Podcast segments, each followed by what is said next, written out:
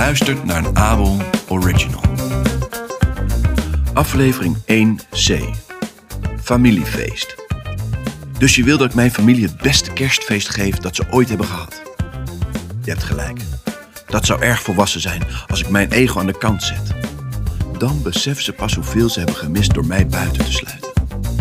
Oké, daar gaan we. Dit jaar zou ik zo'n groot deel van kerst zijn dat ze me in de toekomst niet meer konden negeren.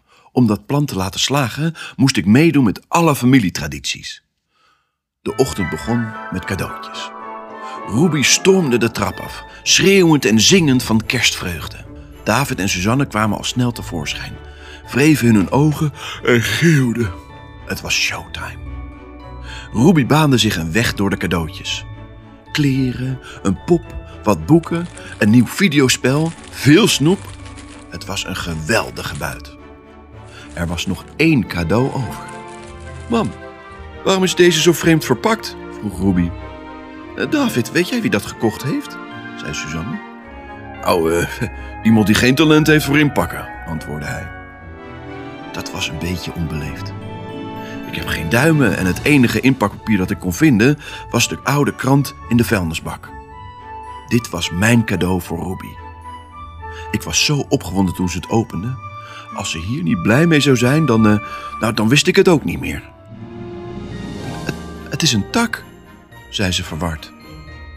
Het was mijn favoriete stok uit mijn collectie. Een hele dikke, waar zelfs nog een, een blaadje aan zat.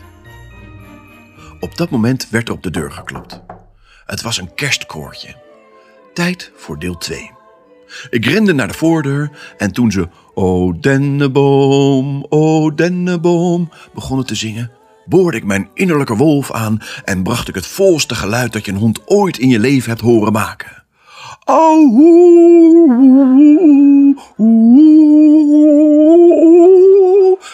Het kerstkoortje vond het prachtig. Iedereen lachte en klapte in hun handen over hoe goed ik mee kon zingen. Het plan liep gesmeerd. Het is magisch om kerstmis vanuit een familiehuis mee te maken en niet alleen vanuit mijn hondenhok. Hier kan ik rondrennen, dansen tussen gescheurde papieren en een buikmassage krijgen omdat iedereen in een goede stemming is. Naarmate de tijd verstreek, kwam het beste deel van de dag steeds dichterbij.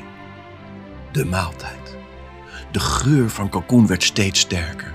Alle cadeautjes waren inmiddels uitgepakt en ik kon iedereen's maag horen rommelen. David liep naar de keuken. Het was tijd. Suzanne dekte de tafel en Ruby hielp haar vader. Ik was zo opgewonden. Ik nam plaats onder Davids stoel. Mijn tong hing uit mijn mond en ik hijgde zo erg dat ik mijn opwinding nauwelijks kon bedwingen. De aardappels en wortels werden op tafel gezet. Toen de spruitjes en de jus samen met de cranberry saus en de kalkoen. En als laatste mijn bijdrage. Ze waren alle drie volop aan het smullen. Suzanne, je hebt jezelf overtroffen met deze vullingen. Het is de beste deel van de hele maaltijd, zei David. Ik? zei Suzanne. Ach, doe niet zo gek, schat. Jij hebt de vulling gemaakt. Maar ik ben het met je eens. Het is heerlijk, antwoordde ze. Zo gingen ze een tijdje heen en weer en probeerden uit te vinden wie de vulling had gemaakt. Ze namen aan dat het Ruby was, maar zij ontkende. Was het te bescheiden om de eer op zich te nemen? Suzanne stond op om in de vuilnisbak te kijken of ze de verpakking van de vulling kon vinden. O jee, riep ze. David, Ruby, niet meer eten. Het is. Het is hondenvoer. Ik, ik begreep niet waarom, maar ze leken alle drie erg overstuur. Ruby hield niet van vulling, dus had ze er niet veel van gegeten. Maar haar vader en moeder wel. Toen ze terugkwamen van het toilet, gingen ze zitten en keken me aan. Ruby, zei David, het mysterieuze cadeau, de kerstliedjes, de hondenvoervulling. Heb jij dat gedaan? Ik ben een hond en ik kon niet precies antwoorden, maar ik blafte. Een enorme grijns verscheen over Ruby's gezicht. Goed zo, riep ze. Je wilde toch meedoen met kerst? Je bent zo'n fantastisch huisdier. Blijkbaar houden mensen niet van hondenvoer. Ik weet niet waarom. Ik ben er gek op. En ik kan je niet vertellen hoe moeilijk het was. Het is nogal een werkje om die blokken te openen met mijn motoriek. De hele familie was zo blij met de manier waarop ik probeerde mee te doen, dat Suzanne bijna begon te huilen van geluk. Wat een bijzondere hond ben je toch, zei ze. En toen het beste deel. Ze maakte voor mij een eigen speciaal kerstdiner. Er was kalkoen, met jus, aardappels en wortels. En ik kreeg veel van mijn eigen speciale vulling. Heerlijk! We laten je nooit meer buiten met kerst, beloofde Ruby me. Dit was de beste kerst ooit. Fijne kerstdagen, lieve luisteraars.